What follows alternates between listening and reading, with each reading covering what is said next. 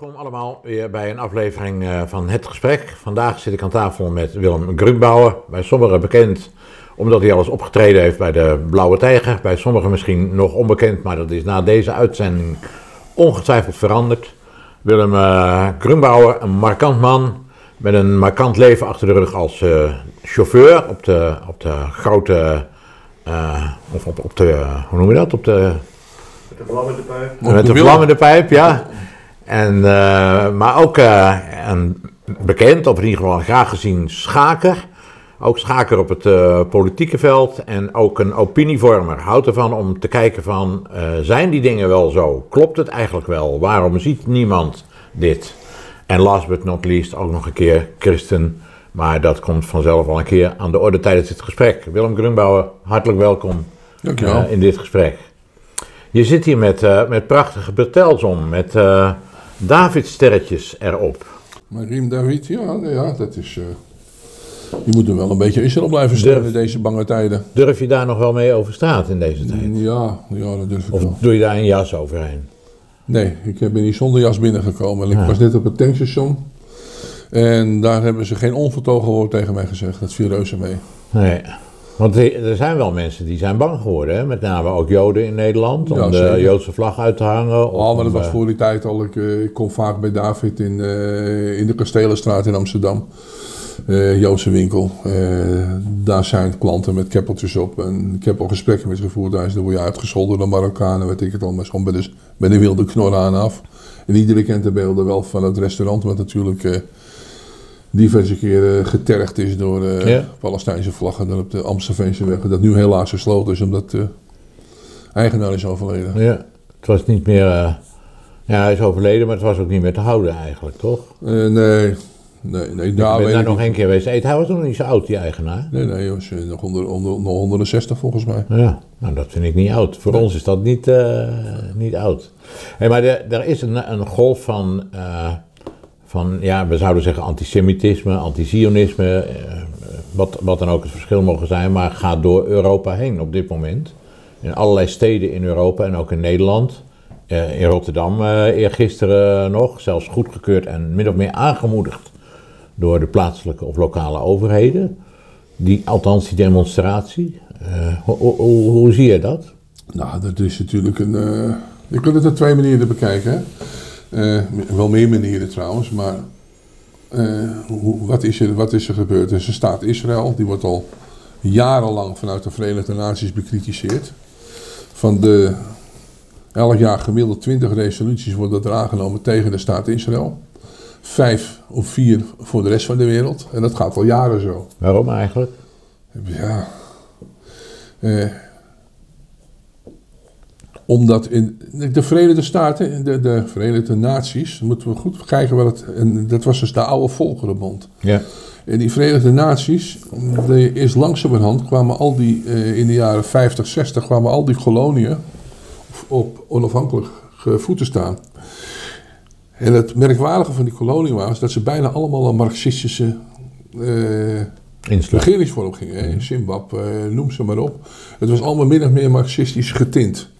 Dat is allemaal bij de Verenigde Naties gekomen. Dus op zeker moment krijg je in de Verenigde Naties een enorme hoeveelheid Marxisten, die dan uh, ja, de staat Israël eigenlijk helemaal niet zien zitten. Natuurlijk mede met een Arabische bondgenoten die er ook in zitten.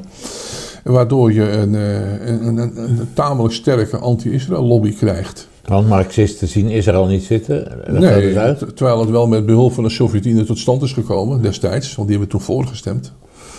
Maar eh, nee, dat marxisme dat heeft natuurlijk een soort, soort, soort invloed.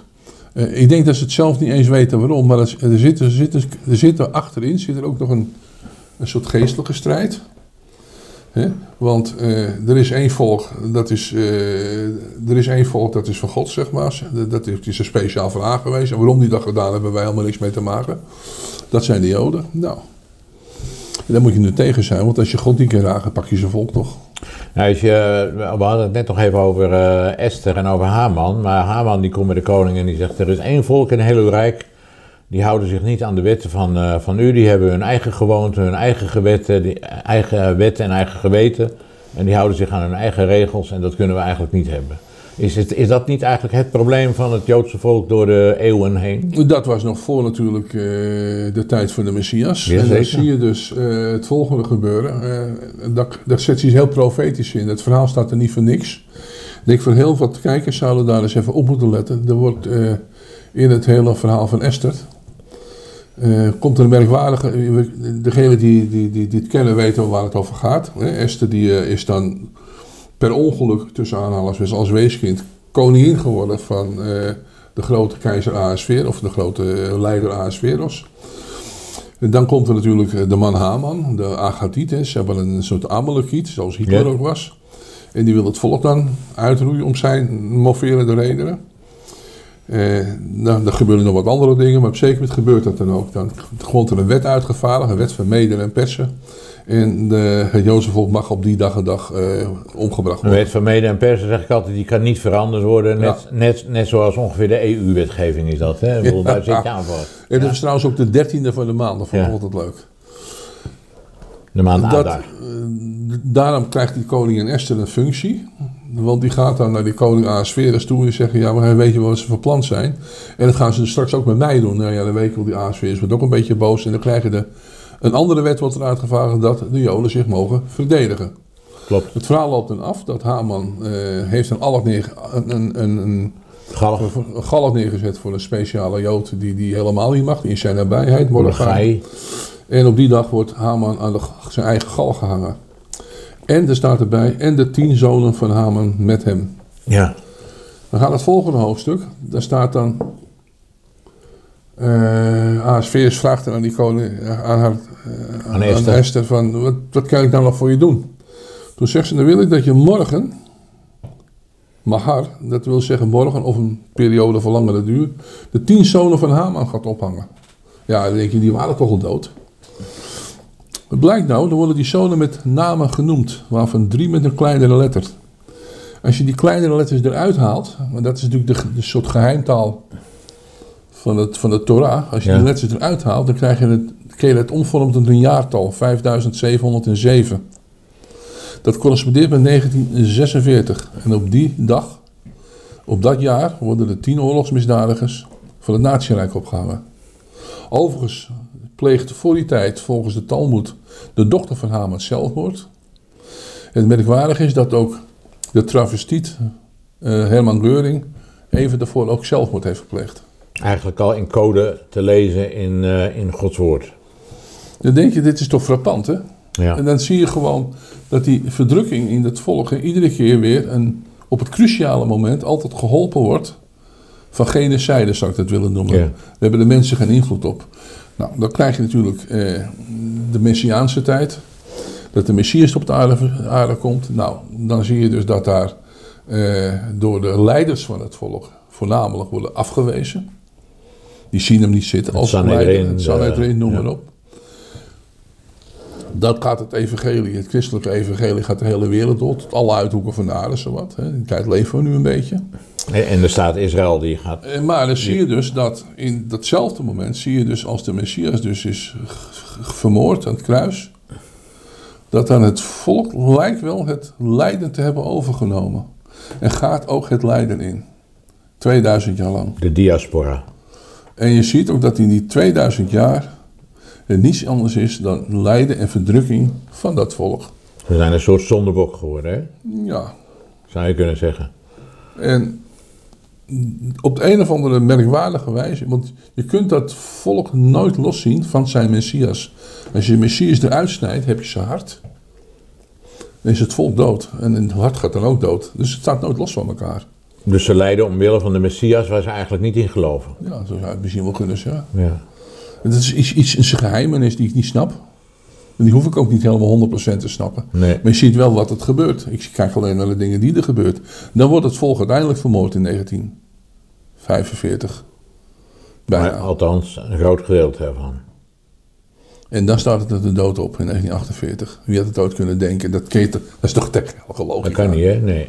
Dan komen de Arabische staten die willen het volk de zee indrijven. En op hetzelfde moment zijn er weer andere Arabische staten die die Joden uit hun land verdrijven, waardoor ze in Israël terechtkomen. Waardoor dit land nog groter wordt. Ja. Dus, wat ze dus bereikt hebben is het alleen maar dat er nog meer Joden naar, naar Israël gingen. Dus er, er gebeuren zeg maar, op het grondvlak allerlei dingen, maar er gebeuren op een eh, ander onzichtbaar niveau. Ja, eh, gebeuren er ook allerlei dingen. Soms dat- al ver van tevoren. Dat is, dat, is toch, dat, is, dat is toch verbijsterend. Ja. En je ziet nu ook, ook het volgende gebeuren. Dat wij hebben al die, in Europa, laat me even beperkt tot Europa, we hebben alle Joden er min of meer eigenlijk eh, weg laten voeren en zijn gedood. En het lijkt wel of daar de eeuwige zegt, nou, jullie wilden mijn volk niet, krijg je wat anders.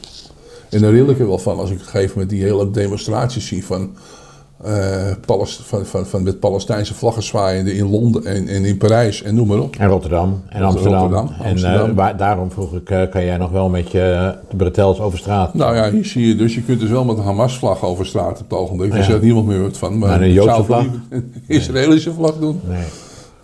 Nee maar hoe, hoe zie jij dat nu, wat er daar gebeurt, daar, eh, daar in Israël? Want het is natuurlijk 7 oktober staat in ons geheugen gegrift, hè, net als 9-11. Nou, dan heb je weer zoiets dubbels.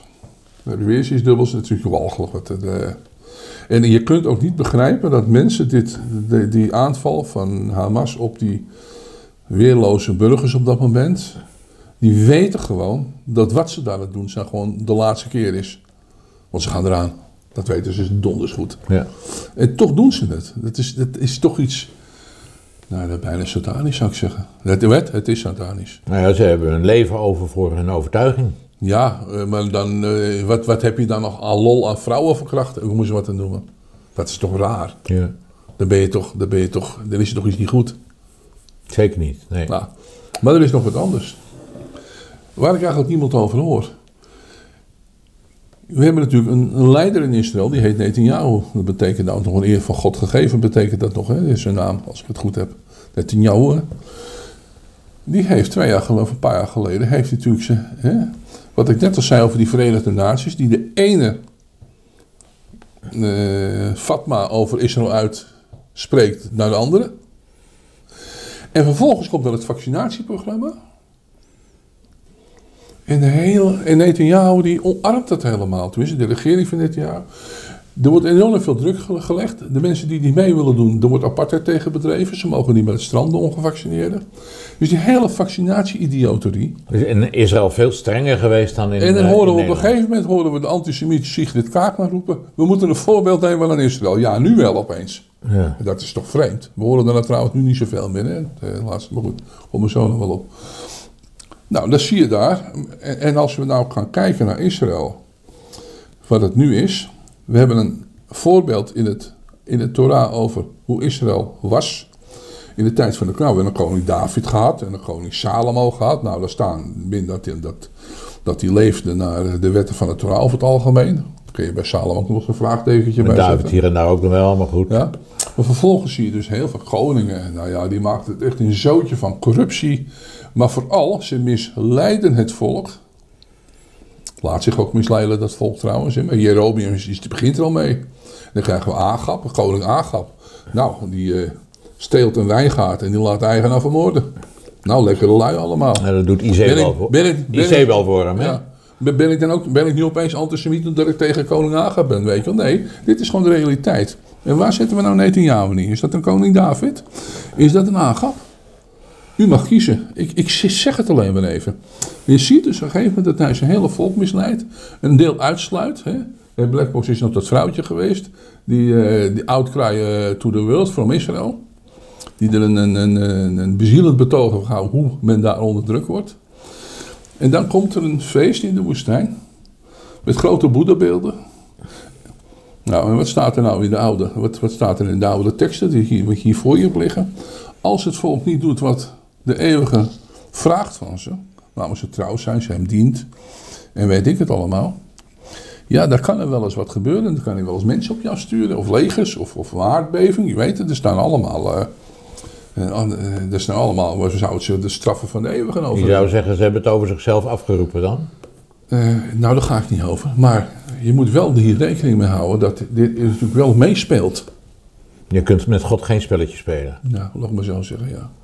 Maar goed, dat neemt niet weg dat eh, eh, eh, de, de volkeren, Hamas, of welke volkeren dan ook, God bij de uitvoering van zijn Ja. straffen niet hoeven te helpen. Hè? Nee, maar dat staat bij IC wel. IC wordt op een gegeven moment het raam gegooid door Ja. een of andere grote Jehu, meen ik. En Jehu wordt, ondanks dat hij het, de, de, ondanks hij de, de wil van God min of meer heeft uitgevoerd, daar wordt hij voor gestraft met Ja. de dood. Ja, weet je, ik, Dus ik heb- degene die dus die straffen uitvoert, ja, daar, eh, Ik heb eh, afgelopen zondag ergens eh, gepreekt over de nachtgezichten van Zacharia. Ik kan niet nalaten om het eventjes erbij te halen, want er stond zoiets moois bij.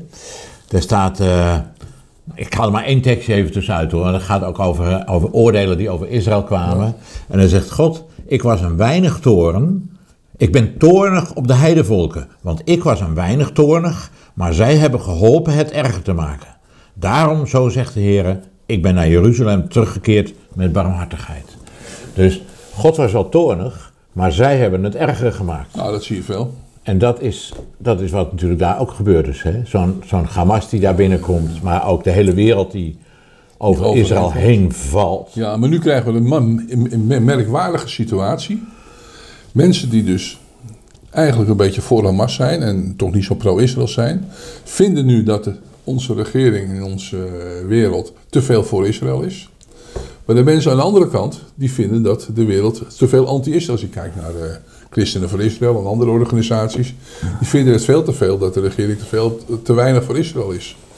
Dat vind ik heel merkwaardig. Maar wat ik nog wel, nog wel op wil wijzen. Nu met Israël zien we dus hoe onze regering reageert. Dan zien we een Mark Rutte, die staat pal achter Israël. Maar dat is alleen maar uit geopolitieke overwegingen. Omdat het een Amerikaanse basis is, denk ik. Hè? Maar voor de rest staan ze helemaal niet zo achter Israël.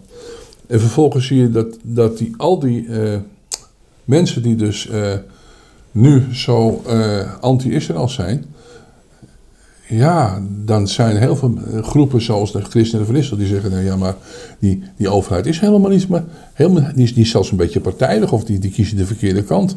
Wat gek is bij de Oekraïne-oorlog, lopen ze allemaal achter die overheid aan. Bij de vaccinatie hebben ze er allemaal achteraan gelopen. Dus dan heb je twee dingen heb je achteraan gelopen, dan gebeurt het derde en dan zie je dat het helemaal niet klopt. Ga je dan ook eens afvragen, en die, die eerdere dingen, of dat dan gewoon klopt. Hoe, hoe, hoe komt dat nou, denk je? Want dan ga ik weer naar die hogere werkelijkheid. Er Ik, speelt eh, nog iets anders. Ik heb exact gevoeld in het jaar 2020, toen die, vooral toen die af, toen afkondigingen kwamen van Corona. coronamaatregelen, eh, dat de hele wereld bezeten werd door demonen. Er waren demonische machten aan de gang die echt de hele wereld hebben bezet. Dat heeft me ook wakker gemaakt dat je op het ogenblik in het laatste der dagen leeft, ik het maar zo zeggen. Dat is de ondertitel van, eh, van mijn website. Eh, het zal Ja. zijn als in de dagen van Noach. Nou ja, dat denk ik ook wel. Le- leven we daar zo'n beetje in, denk je? Ja, kan niet anders. En het kan al wel drie generaties duren. Hè? Want laten we zeggen, er staat in de, de Israëlieten, die, toen ze, Israël, toen ze voor, vlak voor ze Israëlieten werden, woonden ze 400 jaar in slavernij in Egypte.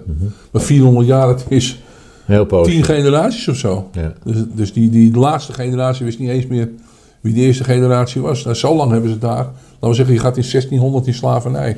En pas in goed, 2000 eh, jaar word je eraan bevrijd. Noach staat aan die ark te timmeren. De- Wij zien die tekenen nu ook wel een beetje. Ja, natuurlijk, 100 hè? jaar heeft hij getimmerd. Hè? Ja, daar denk ik altijd een beetje anders over. Ik geloof niet dat hij daar 120 jaar over gedaan heeft. Maar ik denk dat daar de mens, mensenleeftijd op 120 jaar werd gesteld. En Noach die heeft die, heeft Ja, die ark het in twee jaar, eh, twee jaar tijd gebouwd. Twee jaar tijd, Ja, makkelijk. Johan Huibers heeft het ook in zo'n korte tijd gebouwd. Nou had hij wel ele- elektrische zaagmachines, maar... Nee, laten we 10 jaar zijn. Maar goed, eh, in ieder geval, dat maakt niet zoveel uit. Maar het was een teken, hé, er gaat wat gebeuren. En de mensen leefden zorgeloos verder. Hè? Want dat is natuurlijk wat Jezus zegt. Het zal zijn als in de dagen van Noach. Ze zullen ten huwelijk geven, ten huwelijk nemen. Ze, mensen leven zorgeloos verder. Ze, ze zien het niet. Ze hebben niet in de gaten wat er op ze afkomt. Maar dan zal het oordeel staat, komen. er staat wel wat voor de deur, ja, dat denk Ja. ik ook wel. Dus, dus, dus die, zo, zoals Oekraïne, eh, zoals de, de, eh, de coronasituatie, de World Health Organization, de ontwikkelingen bij de Europese Unie, de ontwikkeling naar de Great Reset, de Sustainable Development Goals, de, de overname van de macht Nou, in deze wereld. simpel, de leugens die als waarheid verkocht worden. Ja, Eh, een van de leugens is het CO2-verhaal. Het CO2-verhaal is gewoon een leugen. Ik, ben wat, ik heb een tuinbouwopleiding, dus ik, weet, ik, ik word geacht er iets van af te weten. En het was me al heel, heel vroeg duidelijk dat dit gewoon niet kan kloppen. Eh, de CO2-leugen, dat is eh, waanzin. Nou, dan heb je de stikstofregels die op het ogenblik de ronde doen. Ja, dat heeft nu Veel- zelfs eh, minister Adema gezegd van, eh, ja, dat klopt Ja, eigenlijk dat, niet. dat wist hij van tevoren natuurlijk ook wel. Als je een beetje, een, beetje, een beetje logisch kan aanleggen, nou, we gaan we met windmolens. Ik weet dat jij gaat nu zometeen die dijk weer overnemen, aan in Ja. huis. En als je dat 20 jaar geleden deed, 10 jaar geleden deed, wat was er dan aan de hand? Wat moest je dan thuis doen? Dan je voorraad, moest je voorraad schoonmaken. en nou niet meer, hè? Nee, nee. In Duitsland worden er 1 miljard insecten per dag doodgemapt door die windmolens. Ja. Als ze er nog zijn tenminste inmiddels. Dat is een, wat ik nu vertel is van vier jaar geleden. Ja. Nou, dan denk je van we zijn onze eigen natuur. En we zijn de waanzin ingerommeld. Een klimaatwaanzin, een genderwaanzin, een huwelijkswaanzin. Eh, het is de wereld op zijn kop, hè? Die, eh jij, jij hebt een boek van eh, Nietzsche liggen, zag ik. Maar Omwerking alle waarden. de Ja, omwerking van alle waarden, dat, daar zitten we toch gewoon eigenlijk middenin. Helemaal meer, al voorbij. Al voorbij. Ja. En dat, dat is hetzelfde. En Trouwens, weet je dat Nietzsche er ook een heel mooi item geschreven heeft over het Joodse volk. Dat hij heeft gezegd, als het Joodse volk, wat toen in Duitsland, in 1850 schrijft hij dat. Hij schrijft natuurlijk in het plaatsje Siels, in de, tussen, in de Engadin. Dat ligt eh, in Zwitserland, eh, bij San Moritz, een heel stil gebied. Zeker in die tijd neem ik aan. Mhm. met een regelwater doorgekomen. Dan heeft hij natuurlijk geschreven en dan schrijft hij op een gegeven moment aan, volgen Israël. En dan schrijft hij gewoon als het Duitse volk. Hij, hij raadt het aan het Duitse volk om zich te vermengen met het Joodse volk. Omdat het Joodse volk een leidersweg van 2000, bijna 2000 jaar achter de rug heeft. Wat ze ontzettend voornaam heeft gemaakt. Het is zelfs zo, zegt hij, dat de Joden het hebben veracht om veracht te worden. Probeer maar eens een Jood te beledigen, het lukt je bijna niet. Hij zegt, zijn de mensen die het eh, het als laatste van alle andere volken naar de fles grijpen om hun problemen te verbloemen. Hij zegt, dit moet vermengd worden met het Duitse volk, dan geef ik het Duitse volk de enige kans. Als ze dat niet doen, dan schrijft hij er letterlijk bij, dan zullen ze hier een vreselijke tijd tegemoet gaan in Duitsland. Dat is ook gebeurd. En, maar uiteindelijk zullen ze dit land verlaten en dan zullen ze naar dat land toe gaan waar ze eens uit Egypteland vertrokken zijn. Naar Canaan. Ah, dat is zo gebeurd. En daar zullen ze, Niet zelfs profeet, wie zou Ja, dat toch profeet. denken? Ja. ja zonder meer. Hij heeft natuurlijk geprofiteerd. God is dood. Dat heeft u gelijk in gehad. Ja. We hebben natuurlijk in onze existentie, in ons denken en ons dingers, hebben we God vermoord. En als, God, als God dood is, dan wil het zeggen dat hij eens geleefd heeft. Hè? Dan moet je er goed op letten. Ja, en, en ik heb altijd begrepen van, eh, zoals ik Nietzsche begrijp, is, is het niet alleen maar dat hij zegt God is dood, maar hij zegt en jullie hebben hem vermoord en jullie hebben je eigen goden daarna gecreëerd, want we hebben allemaal een God nodig. Ja. En onze huidige goden zijn natuurlijk de, de, ja, zeg maar de genderdwaasheid, de klimaatideologie, de vrijheid, gelijkheid, broederschap. Ja, de, je, moet, je moet ook niet vergeten dat eh, als iemand eh, in die klimaatgekte gelooft, dan is hij dat ook. Als je hem dus dat afneemt, dan is je zijn identiteit kwijt. Dus dat gaat je niet lukken. De waanzin krijg je er niet meer uit. Nee, daar is een bekering voor nodig. Hè? Dan. Omkeert, bekering, ja, terugkeer. Teshuva. Terugkeren naar huis betekent dat. Dat is eigenlijk waar vlak voor eh, dat, dat de Messias komt, eh, Johannes de Doper toe eh, opriep. Bekeert u, doe teshuva, want het koninkrijk van de hemelen is nabij Keer gekomen. terug. Ja, Ja, keer om en keer terug. keer terug. Dat is eigenlijk ook, vind ik, een oproep ook wel voor nu, toch? Dat denk ik wel, want als je ook kijkt eh, wat er dus is nu, nu wat je nu, want je zei net over Israël is gebeurd, het is natuurlijk een walgelijke situatie geweest. En wat, nou, wat Israël nu ook terug doet, ja, is allemaal prima. Ja, ik heb daar geen oordeel over. Je moet wat, je kunt Nou het ook niet zo voorbij toch, laten toch gaan. even eh. Je zegt, het is allemaal prima. Nou ja, ik heb er geen oordeel over. Het is natuurlijk verschrikkelijk wat er gebeurt in Gaza, toch? Ja. Er gaan duizenden mensen dood, Kinderen, waaronder heel veel kinderen. En dat maakt juist dat op het netvlies van, van want ik bedoel, de, de, de NOS en, en dat Ja. soort omroepen, die brengen dat natuurlijk eh, heel groot. Maar wat er dus niet bij staat, dat, is, dat hoor je tenminste bij Christenen van Israël. Ik neem aan dat dat geen fabeltjes zijn. Artsen vechten ook mee. Iedereen ziet het leger. Maar als die in het ziekenhuis komen en ze zien toestanden die directe hulp verlenen, trekken die artsen ook hun jassen uit en gaan die kinderen mee in diezelfde ziekenhuizen. Ja, Dat gebeurt natuurlijk ook, hè? ja ik nou, heb, ik zat zie ik in Hamas, aan Hamas eh, zie ik dat niet doen. nee, nee, nee, die verkrachten ze en vermoorden ze en snijden hun hoofd af. Ja, ik, Er heb, zit zoveel haat. ik heb vrienden daar in eh, Israël, eh, onder, zowel onder Messias beleidende Joden als, als gewoon onder Arabisch. We hebben ze trouwens ook hier aan tafel gehad. Maar die, dat is een totaal andere mentaliteit. Nou, ik heb een, toevallig ken ik iemand die zegt ook, als er nou een aanslag wordt gepleegd, dan valt het me op. Dan is het nooit iemand met van die pijpenkrullen. Nee. Zelden. Zelden. Het, het is Ja, wel eens toen gebeurd Rabin, toen Rabin vermoord werd. Ja, en, en ooit natuurlijk in Hebron ook. eh, hoe heet die? Gold, Gold- Goldstein. Goldman, ja. die, eh, die, die, eh, dit- is wel eens gebeurd. Ik bedoel, het zijn ook niet allemaal heilige boontjes daar. Nee, maar zeker niet. maar de, de, de islam is inherent eh, kwaadaardig. Nou, je ziet nou ook bijvoorbeeld dat het antisemitisme, zeker in de term eh, eh, zionisme toenemen. Want ja, antisemiet kun je niet meer openlijk zijn, dan word je toch gewoon zionist, anti-zionist. Dat Ja. mag dan weer wel. Dat Ja, zie dat ik wel groeien. Hè? Hoe kijk jij daar tegenaan? Want, Ja, ik denk dat het, ik moet achteraf, ik heb er wel over na zitten denken, is dat nou hetzelfde? Ja, in wezen is het hetzelfde. Ik, zie ze, ik, ik, ik leg zelf nog wel een verband met mensen die toch geloof hechten aan, eh, al dan niet bewust, aan die protocollen van de wijze van Sion en de, en de rabbies zeggen. Dus de- dat zijn natuurlijk valse protocollen die zijn opgesteld waar Joden dan de wereldheerschappij zouden willen hebben. En daar wordt nu heel dikwijls op teruggegrepen. En daarom zijn ze anti-Zionistisch. Nou ja, er is best wel, uit seculier oogpunt is er best wel wat te zeggen. Ja, er komt er een volkje wonen, die neemt dan een beetje eh, de beslag over het hele gebied. En eh waar ze, zoals een eh, Ben Gurion heeft ook gezegd, ik ben voor een groot Israël. En, eh, en, en die, die, die Arabieren, nou ja, daar moeten we maar zien wat we nou eventjes mee doen. Misschien moeten die wel weg.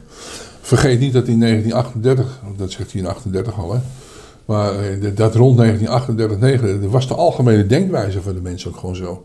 Ik bedoel, ik heb dat boek nog eens gehad van een, van een oom van me over de ijzeren paard voor over het Wilde Westen, waarin staat: Het land wat de Indianen hebben, hebben wij nodig, dus moet je achter het uitroeien van de Indianen staan. Ah, dat was een algemeen besef van mensen, oh, een- een- eigenlijk geen besef, maar een algemene denkwijze van mensen die bijna normaal gevonden werd. Ja. Dat is in Zuid-Afrika een beetje natuurlijk geweest, onder die Zuid-Afrikaanse boeren en Engelsen. Die zeiden, ja goed, ze moeten daar maar een beetje apartheid in maken. Of die, je kunt ze nog prijzen ook dat ze daar mensen hebben laten leven, want in Amerika hebben ze uitgeroeid. Ja, Eh, of, in- zei- of in een reservaat gestopt en zo. En zo. En dat, dat klopt, ja. Dus dat is- daar kun, je, daar kun je heel veel kanten mee op.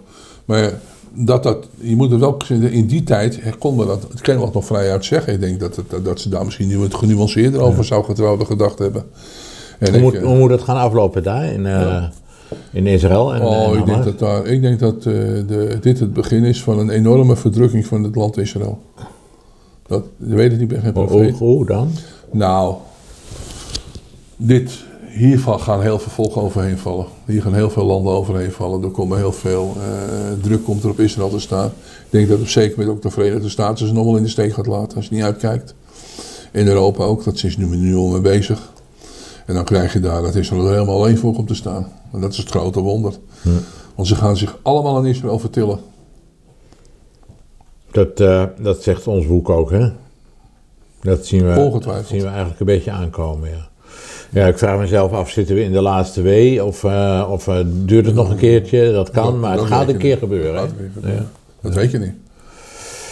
En de- dat is het, maar de, de grote, de, dat ze dan in een enorme spanningsveld komen, dat, eh, dat, dat lijkt me wel. Dat ja. lijkt mij ook, ja.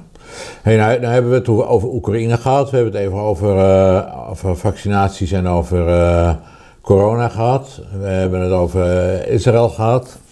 Er zijn een heleboel onderwerpen die, eh, die spelen. En wij, wij hebben daar dingen in gezegd die bijna niet gezegd mogen worden. Hè, al, want ja, het, het is niet het, het heersende narratief, zegt men dan tegenwoordig. Ja. Morgen gaan we, eh, misschien voor kijkers die vanavond kijken of anders morgen kijken, maar morgen gaan we in Nederland naar de stembus. Eh, gisteravond hadden we nog een aanslag op een oppositieleider. ja, die natuurlijk in gang is gezet door de VVD onder andere, omdat Jesselgus heeft, eh, Dylan Jesselgus van de VVD, natuurlijk een Koert die ook nog haar vader betrokken is bij Bijbezin. Eh, maar goed, even daar gelaten. En Daar weet ik wel weer een heleboel van. Ja. Ja. Maar het merkwaardige is, zij heeft Wiebe van Haga en Thierry Baudet dus weggezet als wel, onwelriekende reuzel. Vreselijk, hè? Dan denk je bij mij, nou dit is dus de aanzet Hoe geweest. praat je zo over mensen? hè? Ja, nou dat is toch... Dat, Onwelriekende reuzel. dus is de- ik vind het tamelijk fascistisch getint wat Jessel, dus Dylan Jesselrus daar heeft gezegd. Dus dat is gewoon een fascistisch getint. En dat zie je bij heel veel van dit soort lui op het ogenblik. Dat is schandalig. Maar jij zegt dat heeft het wel uitgelokt. Nou, dit soort dingen heeft het wel uitgelogen. Niet alleen dat, niet, dit is een van de dingen natuurlijk. Een van de dingen geweest, ja. Er zijn er wel meer geweest. Als je de debat in de Tweede Kamer ziet, dan gaat men helemaal niet op de argumenten in van een, uh, van een, uh, en Gideon van mij die wat zegt. En dan zeggen ze, wat u zegt is walgelijk. Ja, waarom is het walgelijk? Ja, het zeggen niet, maar wat u zegt is wel walgelijk. Als, als, als, uh, als Hugo de Jonge een boek krijgt, die ook natuurlijk enorm gelogen heeft, bewijsbaar gelogen heeft. In de mondkapjes deal met Wiebe van met, met die Siewert van Linden. Op hetzelfde moment dat hij mondkapjes aan het kopen is, zegt hij op de televisie: mondkapjes laten we dat niet doen, dat is allemaal schijnveiligheid. Exact hetzelfde moment. Nou, dan weet je gewoon dat die, dat man is gewoon enorm aan het liegen is geweest. Ja. Die dus een boek van Thierry Baudet niet wil aangeven, omdat hij het zonder het te lezen al zegt. Wat erin staat is verschrikkelijk. Onwelriekende reudel is een, eh, een, nogal een kwalificatie om uh, dat soort dingen te zeggen. Maar er zijn nog wel meer mensen die... Jawel, uit je kuik, hè, met het ene... En Sigrid Kaag, hè, die, van u staan er wel een paar bruine laars hier om de hoek van de gang wow. te zien thuis. En uh, je bent totaal niet relevant. Wie zei dat? Dat zei Adje Kuik ook nog een keer erbij. Helemaal niet relevant. U doet er niet toe. Wat denkt u als u dat hoort, mevrouw Kuiken? Nou ja, de heer Baudet is een dreiging, niet alleen voor onze democratie, maar ook voor onze veiligheid. Ik geloof, ik geloof, niet dat de uh, heer Baudet ooit een boer van dichtbij heeft gezien. Misschien heeft hij een paar bruine laarzen thuis staan. Maar nogmaals, ik vind u niet zo relevant voor dit debat.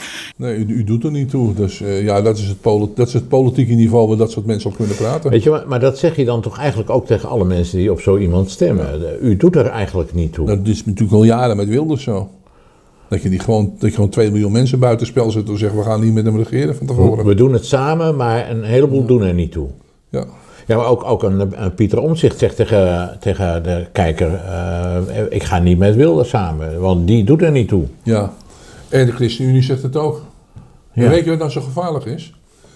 Wat de ChristenUnie niet in de gaten lijkt te hebben, ze zouden het in de gaten moeten hebben, het gevaar voor het christendom aan zich sowieso al komt niet bij Thierry Baudet vandaan hoor. Want Thierry Baudet wil zelfs de christelijke waarden handhaven. Het gevaar voor het christendom komt bij die partij van, vandaan waar ze al acht jaar mee reageren. De D66. Ja. Want die zeggen, nou, je mag nu wel christen zijn, maar dat woke moet gewoon op, op christelijke scholen uh, gepropageerd worden. En al dat soort dingen, waardoor de afbreuk van de christendom is. Afbreuk van het huwelijk, afbreuk van normen en waarden, ja. euthanasie, uh, En daar wil je dus wel, daar ben je dus acht jaar mee aan het regeren, hè? Ik las zelfs pas van de ChristenUnie is dichter bij D66 gekomen dan ooit, zei, uh, zei iemand. Dat... Eigenlijk zie ik dat ook wel een beetje. Ja, nou, je ziet het ook met, met christelijke bladen, Nederlands dag. Of ik noem het toch altijd RD66-klantje tegenwoordig, want die doen hetzelfde. Want die, die, die Steve, Steve, Stefan Bruins, Bruins of zo, die de hoofdredacteur, ja, die is zo wel als wat. Nou, dan denk je ook, het is schandalig dat, die, dat mensen dit zo'n krant durven, de, de, in een bus durven hebben. Dan kun je beter een andere krant nemen. Dat zijn ook dingen waar ik het niet mee eens ben. Maar er zit toch een betere kwaliteit achter, een waarheidsvinding achter dan bij zo'n reformatorisch uh, D66-krantje. Zijn we wel scherp genoeg op, op, de, de geest van, de demonische geest die er door ons land heen waart? Nou ja, dat zie je dus ook bij dit soort kranten, dat ze allemaal ook meegelopen zijn in de coronawaanzin. Ik heb op een hele mooie uh, artikeltjes uh, gesprek gehad met Steven Bruin in het begin van de coronacrisis, heb ik hem op gewezen, ook op de lijntje van, van de WHO en, en, en, de, en, en de duivelse van de WHO, dat daar een leider aan de macht zit die echt niks om mensen geeft, hoor. En die zitten voor mijn gezondheid, daar komt nou toch. Nou, en dat soort lijntjes ook laten zien. En ook hoe het in het corona en hoeveel mensen daar ook. Heb Pierre Gapel heb ik dat genoemd. De zoeken dat Bakti, die ervoor gewaarschuwd hebben van de ernst van, de, van, van dit soort uh, uh, gifspuiters, zeg maar, enzovoorts. Overigens gaat het me daar nog niet eens om. Overigens komt dat nu allemaal naar buiten, maar daar horen we ook weer vrijwel niks van. Hè? Nee, natuurlijk niet. Maar dan zeg ik van ja, en dan zeg ik, nou, we gaan gewoon door. En, en mensen wil het, men wil het gewoon niet zien. En, en juist mensen van, nou ja, een reformatorisch dagblad of een Nederlands dagblad, maar welk dagblad dan ook journalisten zouden op dat soort dingen toch bovenop moeten zitten. Die, zijn er wel, maar die worden er meteen gecanceld. Die krijgen ontslag. En die zitten nou bij Blackbox. Ja. Of bij uh, Café Weltsmet, zo moet je wat noemen. Nou ja, wie Duk mag nog blijven, toch? Ja, en, en, en uh, er is er nou nog die, die, die uh, vent in de Telegraaf, hoe heet die? De wie Duk? Ja, maar die andere ook, die journalist. Leon de Winter. Leon de Winter, ja. ja. Die is volgens mij geen journalist, maar die is columnist. Ja, maar goed, die heeft nog wel een paar pitten gezegd. Ja, zeker. Die kan, die kan goed uit de hoek komen. En Plasterk, die... Ja. Die, dat is dan wel een ex-PVDA, maar ik zou heel benieuwd zijn of die, of die nu nog PVDA stemt eigenlijk. Ja, dat eh, deed hij al een post niet meer, toch? Heeft hij dat gezegd? Ja, volgens mij heeft het in het verleden al gezegd, maar dat weet ik niet zeker. hoor. oké. Ik hou me daar op zich niet zo heel erg mee bezig, maar wel dat ik dus zie dat het hele corona, de hele coronaverblinding. Er zijn kerken geweest die die QR-code hebben gebruikt. Er zijn kerken geweest die hebben de grote vaccinatienaald. Die hebben helemaal zich toevertrouwd aan de vaccinas. Het was ook vlak voor kerst, hè? de vaccinas werd toen geboren, december. En ze hebben er aan beden. En, en ze hebben gezegd, eh, kerken gewoon meegedaan. Ja. En de enige met char- charismatische bewegingen dat daar een beetje tegenstander kwam. En, en, hebben de, en, de, en in Staphorst, hè, de reformatorische, de zware reformatorische beweging ook wel. Urk. Urk, Staphorst. Ja. Nou, ik heb daar eh, niet gezien dat ze echt tegen die vaccinaties waren. Maar die waren sowieso wel antivax. Maar dat, dat, eh, dat afstandsgebod en zo, dat, eh, de, en maar met 30 mensen samenkomen, daar hadden ze niet zoveel. Ja, maar het is toch schandalig wat er gebeurd is. Dat ik dus zelf heb gezien dat ik eh, bij, eh bij bejaardentehuizen kwam met hekken eromheen. En er waren kinderen of eh, volwassen mensen die naar een vader en moeder wilden zwaaien alleen al. Die door de boa's werden weggestuurd. Wij hebben, als, wij hebben als kerk in uh, Grotebroek staan te zingen voor een echtpaar wat die dag 60 jaar getrouwd was. Waar de man en de vrouw niet bij elkaar mochten komen. Zij mocht niet naar binnen. En, en terwijl de verpleegkundigen in en uitliepen, mochten zij niet naar binnen. En wij stonden achter een hek te zingen lang zal u leven. En de Heer zegen u. Nou, het- de kerk hebben het zwaar, maar dan ook zwaar laten afweten. Die hebben, zou er in elke kerk een slang moeten ophangen. Weet je, zo'n stok met zijn staak met een slang. Ja, niet goed Dat staan. deden ze er in de woestijn ook. Ja. Nee hoor, we gaan, we gaan de vaccinas eren. Het is, het is goddeloos geweest. Het is jammer dat het gebeurd is. En eh, ja, ik, ik ben bang dat als er weer zoiets gebeurt, dat, dat we zo weer meelopen. Zou het niet? Weet ik niet. Nee? Ik kan niet in de toekomst kijken, maar dat, is, zou, zou me niet verbazen. Nee. Ja, kijk eens als, als, als, als Sidi tegen mij zegt, eh, tegen ons zegt en, en laat blijken, ja, maar het boek van David Dijk is antisemitisch en staat de ontkenning van de holocaust in. Dan ga ik kijken of dat waar is. Nou, het blijkt dus niet waar te zijn. En dan zie je dus dat zo'n organisatie als Sidi ook zijn macht misbruikt om mensen fascistisch te maken die niet fascistisch zijn. Wat ben je dan zelf? Dan zeg ik altijd, wat je zegt ben je zelf. Ja. Dan zie je dat Sidi gewoon een antisemitische tendens heeft door andere mensen de antisemitische eh, etiket op te plakken. Nou, bij Christenen voor Israël zijn er twee geweest. Freek Vergeer en Naomi Mestrum, dat is nog de directeur van de... Naomi Mestrum is trouwens een VVD-lid eh, in Nieuwegein, dus dan is het één, tweetje, maar is heel makkelijk te maken. Die dus, antisemitisch, die dus het antisemitische etiket hebben geplakt op mensen die niet antisemitisch zijn. David Icke en, en, en, en, en, de, en de Forum voor Democratie. Nou, als je dat doet, dan ben je heel fout bezig. En heel fout bezig, dan ben je ook een beetje fascistisch bezig. Ben je ook fout bezig of ben je misleid? En wil je graag met de, met de heersende mening meegaan? Nee, maar deze mensen weten heel goed waar ze mee bezig zijn. Die zijn niet dom. Die hebben ook doorgeleerd. Die hebben meer doorgeleerd dan ik. Ik heb alleen een groot rijbewijs en een tuinbouwdiploma. Ja. Die mensen hebben nu En een, universitaire scha en een schaakdiploma toch ook wel? zeg? Nee, ik ga geen schaken. Ik ben ongediplomeerd schaker. Ja, ja. Nou ja je schaakt wel goed hebben begrepen. Nee, maar het is toch abs- absurd dat, dat, dat dit soort mensen die dus gewoon weten waar ze mee bezig zijn. En dan zit er een eh, Sarah, eh, hoe heet ze, Sarah bij Christen van Israël. Ja. Sarah van Oort. Die nodigt die mensen uit. Die mensen die zeggen dan op hun politiek, dan uiteindelijk ergens nog die politieke mening over antisemitisme. Dat plakken ze dan daarop. Dus heb je dan niet in de gaten wat er gebeurt? Blijkbaar niet. Je laat, je laat je gewoon misleiden door dat soort tuig. Want ik vind het gewoon tuig, tuigidioterie wat er gebeurt hoor. Dat ze dit soort mensen dus etiketjes gaan plakken op mensen die ze niet verdienen. Ja, want als je antisemiet bent. En ze hebben het ook bij mij gedaan. Ik heb een goede vriend die heeft het ook gewoon bij mij gedaan. Dan denk ik, nou, het is Die klaar. heeft jou voor antisemiet verklaard? Ja. Op grond waarvan? Omdat ik zei van, hoor eens, wat er in Duitsland is, eh, wat er in Rusland aan het gebeuren is. Ik zeg, weet je wel, dat ze de 15.000, dat Oekraïne de 15.000 Russen heeft, eh, heeft, heeft omgelegd. En intussen de dodenlijsten waren er. Ik zeg helemaal niet dat ik helemaal voorstander ben van dat een, eh, een leger van Poetin zo'n land binnenvalt. Dat is even wat anders, daar kun je nog verschillend over denken. Maar hoe veer het dan niet dat er dus dagelijks, hè, dat wij als onze regering hè, eh, alleen maar materiaal naartoe sturen waarmee de Oekraïners zichzelf, nou ja, een beetje zelfmoord aan het plegen zijn. 500.000 Oekraïnse mannen die dus naar de, over de klink zijn gejaagd. Met onze wapens onder andere. Enzovoort, enzovoort. Eh, vrouwen die natuurlijk in de prostitutie terug terechtkomen, in de vrouwenhandel terechtkomen, weduwen, ellende, verdriet. En, en, dan nog een keer het milieuprobleem. Ik denk dat één zo'n Hamas, één zo'n eh huppelepup raket die ze afschieten, Nou, ik denk dat we hier wel tien jaar lang onze CO2 wel gewoon op peil Daar moeten we 30 windmolens voor neerzetten. Ja, dit is niet te geloven, man. ja. en, denk, en, en, dan eens een keer, wij zijn hier nog bezig, vandaag om de rommel op te ruimen van de Tweede Wereldoorlog. Nou ja, gaat natuurlijk ook gebeuren. En luister, de, die... die uh, en daarom die, heeft hij, de, kijkt men uit dat je, dat je straks geen... Uh, uh, men uit dat je straks geen Joden gaat haten, krijg je dan in je hoofd geworpen. Omdat je een andere mening hebt over de Oekraïne. Ja, precies, daar wil ik, nog, ik wil daar nog even naar terug. Hè, een andere mening hebben, hè, want dat is gevaarlijk tegenwoordig. Ik bedoel, we, we hebben een, een bepaald pakket waarbinnen je moet opereren. Dat zijn meningen die mogen.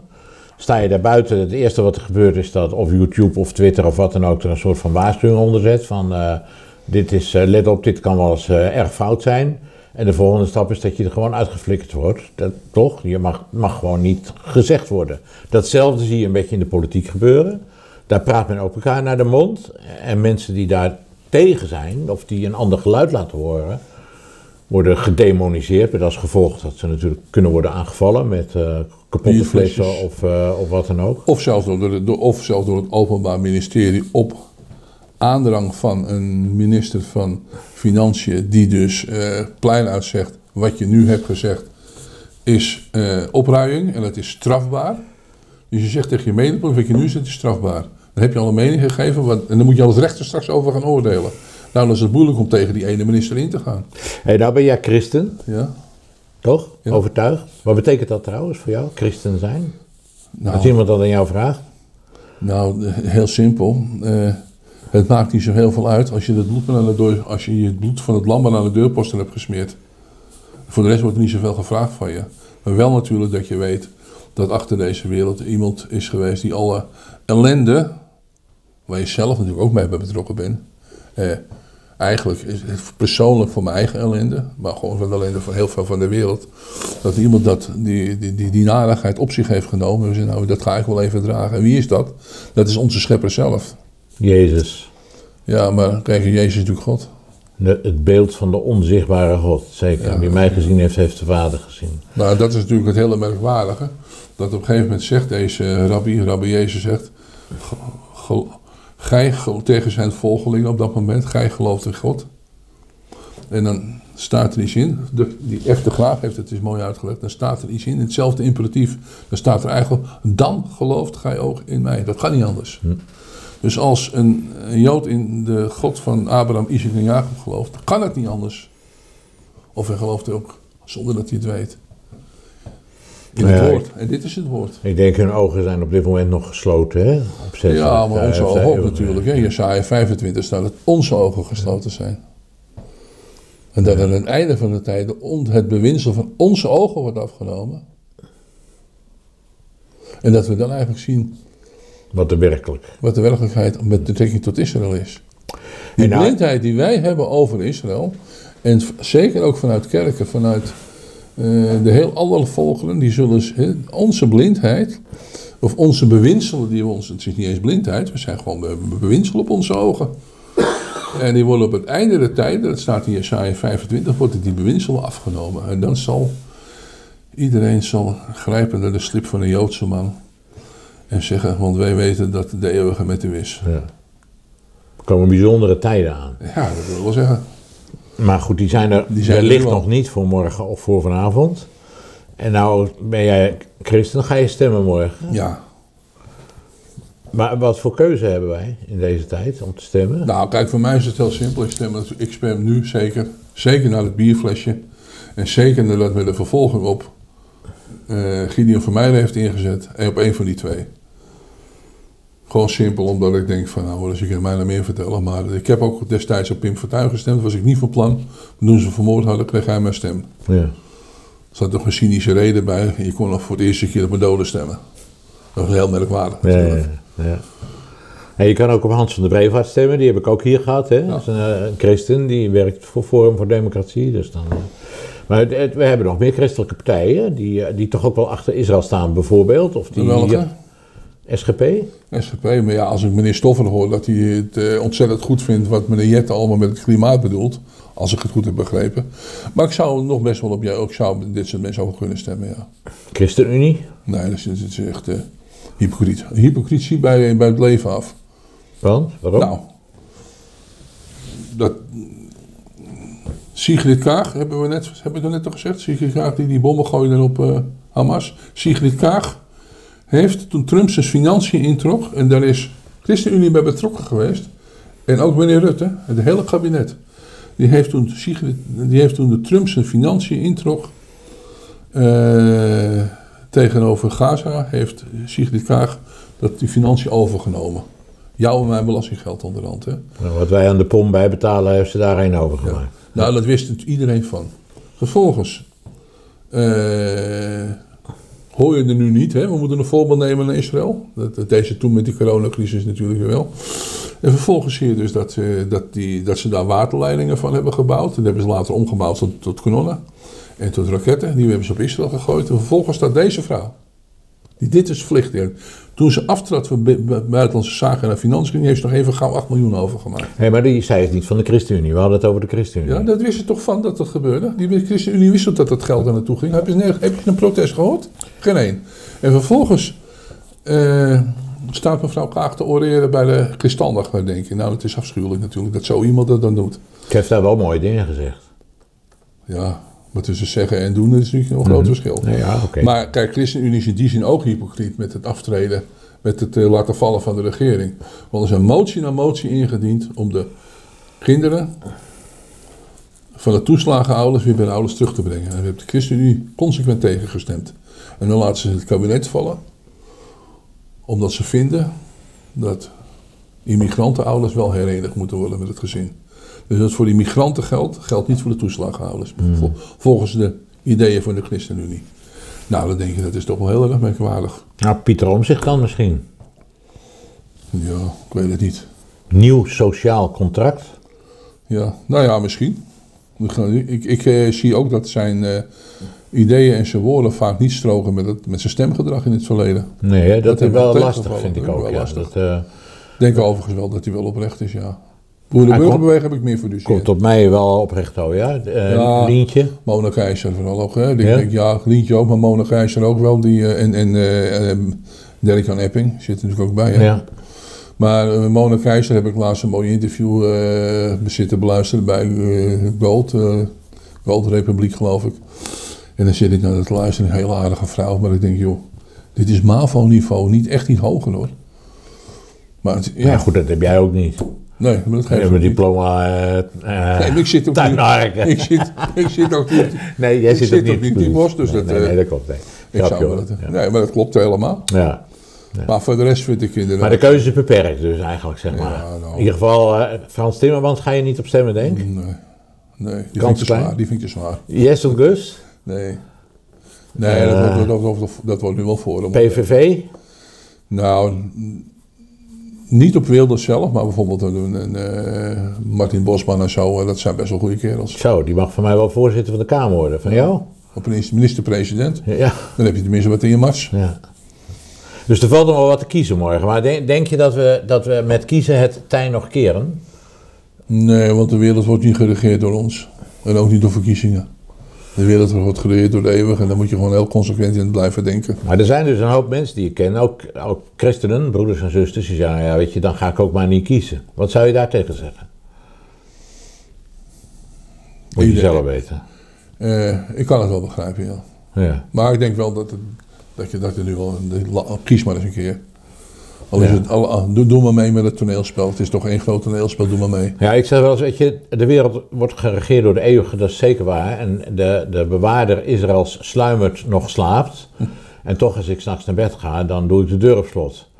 Ja. Ik, uh, dat is de betuining van de geboden, hè? je kent dat wel. Toch, ja, toch. Maar, nee, maar het is natuurlijk zo, je mag niet, we doen het allemaal, je mag niet stelen. We weten dus, je mag niet stelen, dus hoef je geen sloten op je deur te doen. Nee. Want iedereen weet dat je niet mag stelen. Ja. Nou, en hier zie je nou precies zo'n stukje wetgeving die voor iedereen weet wat die, wat die waard is. Dat als je wel stelt, dan, ja, dan, dan, dan, dan uh, hoor je gestraft te worden. En vervolgens, wat we dan doen, is een hekje om dat gebod heen te zetten door sloten te kopen. Ja. Dat is de betuining van de geboden. Ja. Dat zie je natuurlijk heel vaak gebeuren.